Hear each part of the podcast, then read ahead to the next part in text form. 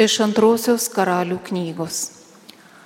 Aramo valdovo karvedys Namanas turėjo didelę įtaką savo šeimininkui ir buvo jo gerbiamas. Per jį mat viešpas buvo davęs aramėjams pergalę. Tas vyras buvo narsus, bet apsirgo raupsais. Po vieno žygio aramėjai parvedė nelaisvin mergaitę iš Izraelio žemės ją paskyrė tarnauti Namano žmonai. Kartą ji tarė savo valdoviai, kad taip šeimininkas nuvyktų pas pranašą į Samariją. Tasai tai tikrai jam išgydytų rupsus. Namanas nuėjo pas savo valdovą ir pranešė. Taip ir taip pasakė mergaitė iš Izraelio. Aramo karalius atsiliepė, tad imk ir nuvyk, o aš tau įduosiu laišką Izraelio karaliui. Namanas iškeliavo, pasiėmęs dešimt talentų sidabro, šešis tūkstančių šekelių aukso ir dešimt šventinių drabužių. Izraelio karaliui jis įteikė laišką, kuriame buvo parašyta, kai gausi šį raštą, žinok, jog aš siunčiu pas tave savo valdinį namaną, kad tu jį išgydytum nuo rupsų. Perskaitęs raštą, Izraelio karalius persiplėšė rūbus ir tarė, argi aš Dievas, galintis numarinti ir atgaivinti. Tas siunčia pas mane žmogų, kad aš jam pašalinčiau rūpsus. Nagi supraskite ir žiūrėkite, jis nori prie manęs prikipti. Išgirdęs Izraelio karalių persiplėšus rūbus, Dievo žmogus Eliziejus pasiuntė žmogų jam pasakyti, kamgi persiplėšiai savo rūbus, tegul Namanas ateina pas mane ir jis sužinos, kad Izraelyje esama pranašo. Namanas nuvyko su savo žirgais bei vežimais ir sustojo prie Eliziejaus namų. Tasai pasi išsiuntė žmogų, kad jam pasakytų, eik, ir septynis kartus apsiprausk Jordane, tada tavo kūnas pasveiks ir taps švarus. Bet Namanas supyko, paėjęs į šalį, pareiškė, maniau, kad jis pats išeis, atsistos prieš mane ir šauksis viešpaties savo Dievo vardo, palies ranką nesveiką vietą ir tokiu būdu išgydys raupsus. Damasko upė Sabana ir Parparas ar negeresnis už visus Izraelio vandenis, ar aš negaliu tenai apsiplauti, kad tapčiau švarus. Labai jau įpykęs, jisai apsisuko grįžti, bet jo tarnai prieje ėmė sakyti, jei pranašas būtų iš tavęs pareikalavęs ko sunkaus, tu būtum tai daręs, dabar juo geriau, kad jis te pasakė, nusiplauk ir tapsi švarus Tuomet jis nuėjo prie Jordano ir septynis kartus pasinėrė, kai buvo jam liepęs Dievo žmogus. Jo kūnas pasidarė sveikas kaip vaiko ir jis tapo švarus. Po to su visais palidovais jis grįžo pas Dievo žmogų, jam prisistatė ir tarė, dabar tai žinau, kad niekur pasaulyje nėra kito Dievo, tik tai Izraelija. Tai Dievo žodis.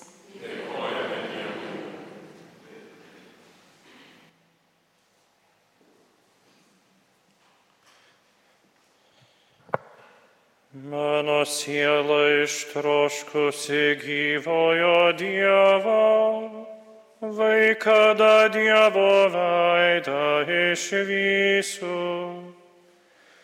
Mano siela ištroškusi gyvojo Dievo, vaikada Dievo veidą išvysiu.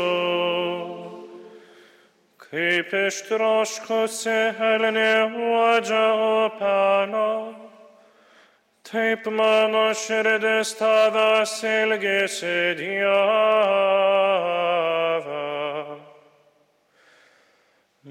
Mano siela ištroškusi gyvojo Dievo, vaikada Dievo veidą iš. išvysiu. Mano siela ištroškusi Dievo, gyvojo Dievo. Vaikada nukeliausiu ir Dievo veidą išvysiu.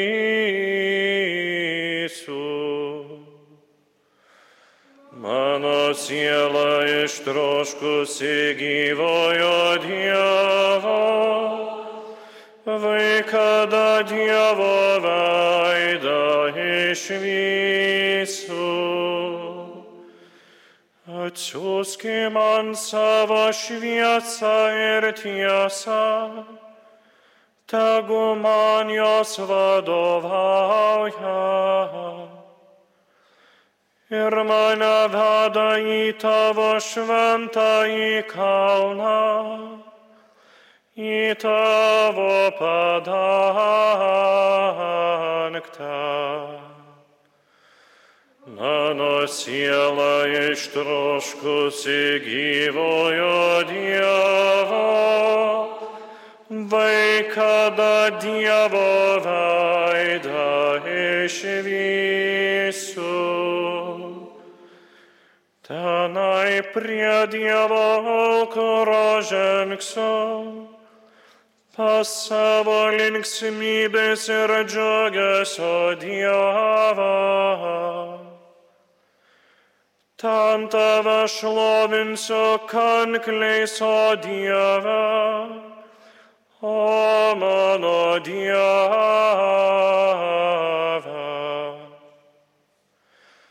Mano siela ištroškusi gyvojo Dievo, vaikada Dievo veidą išvysiu.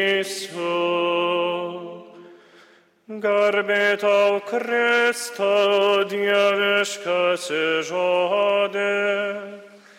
Garbė tau Kristau dieviškasi žodė. Dieve tavi mano viltys, tavo žodžiu pasitikė mano siela. Juk Dievas yra gailestingas, jis visuomet išvaduoja. Garbė tau Kristau.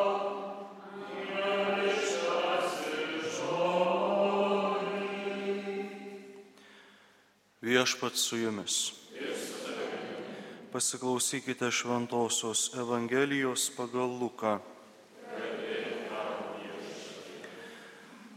Atėjęs į Nazaretą, Jėzus bylojo žmonėms sinagogoje. Iš tiesų sakau jums, joks pranašas nepriimamas savo tėviškėje. Tikra tiesa sakau jums, daug našlių buvo Izraelyje Elijo dienomis, kai dangus buvo uždarytas trejus metus ir šešis mėnesius ir baisus badas ištiko visą kraštą. Bet nei pas vieną iš jų nebuvo siūstas Elijas, o tik pas našlę Sidonijos mieste Sareptoje. Taipogi pranašo Eliziejaus laikais daug buvo raupsuotojų, bet ne vienas iš jų nebuvo pagydytas, tik Siras Namanas. Tai išgirdę visi, kurie buvo sinagogoje, labai užsirūstino, jie pakilę išsivarė jį iš miesto iki pakriūtės to kalno, ant kurio buvo pastatytas jų miestas ir norėjo nustumti jį žemyn. Bet Jėzus praėjo tarp jų ir pasišalino. Girdėjote viešpatie žodį. Susirinkome šiandieną melstis už taiką. Meldžiamės iš tikrųjų stebuklo. Kaip ką tik minėjome tą stebuklą, kurį vyko pas mus kovo 11 prieš 33 metus. Deja, jau Ukrainoje daug kraujo išlieta, todėl taip svarbu mums melstis Dievo gailestingumu. Šiandienos pirmajam skaitinį girdim, kaip Namanas nori stebuklo. keliauja sunkę, tolimą kelionę, pasiruošęs daryti viską, didžius veiksmus, kad tik sulauktų iš Dievo stebuklą. Tai primena mums, kad ir anais laikais karaliai patys suprato, kad jie visko negali įspręsti. Izraelio karaliaus reakcija, kai gauna karaliaus Aram, Aramno karaliaus laišką, parodo, kad galvoja, kad bando jį pastatyti į spastus. Bet pranašas Eliziejus, sužinojus apie situaciją, pasikviečia Namaną pas save kad parodytų, kad Izraelija esama pranašo. Bet girdėjome ir Namano reakciją, kai Dievas buvo pasirengęs jam jį išgydyti, padaryti tą stebuklą, bet ne taip, kaip jis tikėjosi. Namanas įsivaizdavo kitaip, kad pranašas ateis, prisilies, o pasiunčia plauti upėje. Ir pats sako, pas mus geresnių upių yra. Ką man taip daryti? Toks žmogiškas suspirimas, noras matyti, kad Dievas veiktų pagal mūsų nuostatas ir duotų stebuklus tokiom sąlygom, kur žmogus nori, matosi ir šiandienos Evangelijoje. Joks pranašas nepriimamas savo tėviškėje. Bet kad mes tą suprastumėm, prisiminkim kontekstą, kur šie žodžiai buvo tarti. Po pasniko Jėzus ateina į savo miestelio sinagogą, savo pačios misijos tarnystės pradžioje ir skaito iš pranašo Izaijo pranašystės. Viešpaties dvasia ant manęs, nes jis patėpė mane, kad neščiau gerąją naujieną vargdienėms. Pasiuntė skelbti belaisvėms išvadavimo, akliesiems regėjimo, siuntė vaduoti prislėgtųjų ir skelbti viešpaties malonės metą. Ir tada jis jiems tarė, Šiandien įsipildė ką tik jūsų girdėti rašto žodžiai. Ir Evangelijoje sako, visi jam pritarė ir stebėjosi maloningai žodžiais sklindančiais iš jų lūpų. Ir tada atėjo pasikeitimo momentas žmonių širdyse, kai jie tarė, ar tai ne Juozapo sūnus, Padaryk ir čia savo tėviškėje darbų, kokių girdėjome buvus Kafernaume. Ir staiga vėl žmogus reikalauja, kad Dievas šauktų pagal jo dudelę. Kad padarytų stebuklų, bet taip, kaip jis nori, kad Dievas veiktų. Priprantame mes Ir nebematome Dievo veikimo, nebematome jo galybės. Ir dažnai laukiame, kad jis patvarkytų dalykus taip, kaip mes įsivaizduojam, kad jie turėtų būti patvarkyti. Mes kaip ir Nazareto miesto gyventojai norime jo stebuklų čia ir dabar. Šiandieno žmogus pamiršta apie Dievą, apie Jo galybę ir stengiasi patvarkyti dalykus savo rankomis. Įspręsti situaciją ginklais, diplomatiją. Bet čia labai tikslus buvo apaštalinio nuncijaus Ukraino Visvaldo Kulboko žodžiai Nematau diplomatinio sprendimo šiai krizai, turime melstį taikos stebuklo. Mes tai kalbame, matydami karo žiaurumą,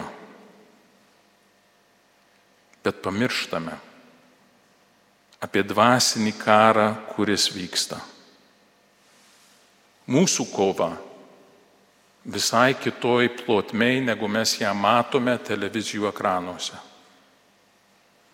Apaštalas Paulius Efesiečiams rašė, mes grumėmės ne su krauju ir kūnu, bet su kunigaikštystėmis, valdžiomis, šių tamsybių pasaulio valdovais ir dvasinėmis blogio jėgomis dangaus aukštumose. Todėl imkitės visų ginklų, kad galėtumėt piktąją dieną pasipriešinti ir visą nugalėję įsilaikyti. Jiems rašė, apsiginkluokite visais Dievo ginklais, kad galėtumėte įsilaikyti prieš velnio klastas. Ir Paulius pridėjo, tad stovėkite susijuosęs strėnas tiesa, apsivilkę teisumo šarvais, apsevę kojas ryštus kleisti taikos Evangeliją. O svarbiausia, pasiimkite tikėjimo skydą, su kuriuo išgesinsite visas ugningas piktojo strėlės. Pasiimkite ir išganimo šalmą bei dvasios kalaviją, tai yra Dievo žodį. Kiekvienu metu melskitės dvasioje, visokiojopimis maldomis ir prašymais Be palievos būdėkite, malda užtardami visus šventuosius. Mes tą ir darome. Mes kovojame su maldos ginklais.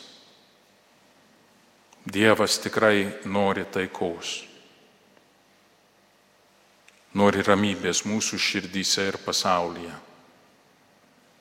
Bet jis ir prašo mūsų būti jo kariai toje kovoje, dvasinėje kovoje. Kaip ir Marija kvietė mus įvairiuose apsireiškimuose melskitės, melskitės, melskitės. Kaip ir šventai Faustinai apreikšta, kaip svarbu nuolatinai melstis Dievo gailestingumo savo ir visam pasauliui šiandien, ypač Ukrainai. Marija Fatimoje prašė melstis už Rusijos atsivertimą. Bet kaip kare reikia ir maldoje ištvermės ir aukos dvasios. Tokią karo laukia ištvermę ir auką rodo mums Ukrainos žmonės. Bet mes jų pavyzdžių turime tikrai imtis tos ištvermės ir aukos dvasios mūsų maldoje, mūsų dvasinėje kovoje. Kaip gražiai sutampa, kad Lietuvoje melžiamės tą dieną, kai švenčiame dešimtmetį popiežiaus pranciškaus išrinkimo. Jis taip pat be perstovos visus metus, kviečia visą pasaulį į maldą už taiką. Jis 2015-aisiais paskelbė gailestingumo metus. Jis atvykęs į Lietuvą 2018-aisiais kvietė mus melstis už taiką ir prisimint mūsų praeitį, kad tokie nusikaltimai nesikartotų. Ir jis Dievo vaizdą pasiuntė lietuvį arkivyskupą Visvaldą Kalboką kaip pasiuntinį savo į Ukrainą 2021 metais prieš pat karui prasidedant. Mes esam tampriai ryšyje su Ukrainos žmonės.